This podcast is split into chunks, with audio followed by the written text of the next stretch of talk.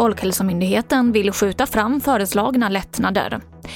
430 000 personer i Sverige är färdigvaccinerade. Och pandemin har inneburit en boom för försäljning av växthus. TV4-nyheterna börjar med Folkhälsomyndighetens begäran att skjuta fram de föreslagna coronalättnaderna till den 3 maj.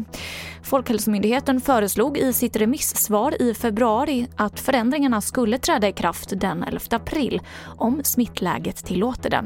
Men nu backar alltså myndigheten om datumet eftersom smittläget är så pass allvarligt nu.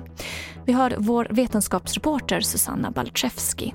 Man var ganska tydlig då när man gick ut med de här lättnaderna att eh, det har att göra med smittläget och redan då var ju smittan på väg uppåt och den är ju i vissa regioner väldigt besvärlig för närvarande. Eh, det är trångt på vissa IVA-avdelningar. Man eh, är till och med orolig för att behöva avvisa IVA-patienter och de placeras om.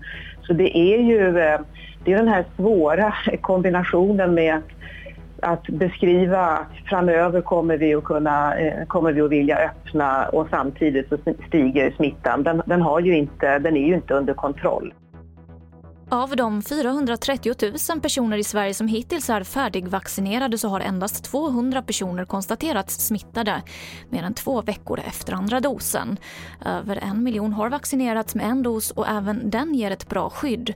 Endast 6 000 har smittats efter första dosen. Och vaccinerna är väldigt effektiva, säger Sara Bifors som är enhetschef på Folkhälsomyndigheten.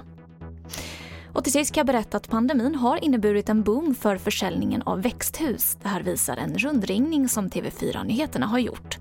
Hos en del byggkedjor så såldes dubbelt så många växthus förra året som under 2019. Och inför årets säsong är efterfrågan så stor att det riskerar att bli brist i butikerna.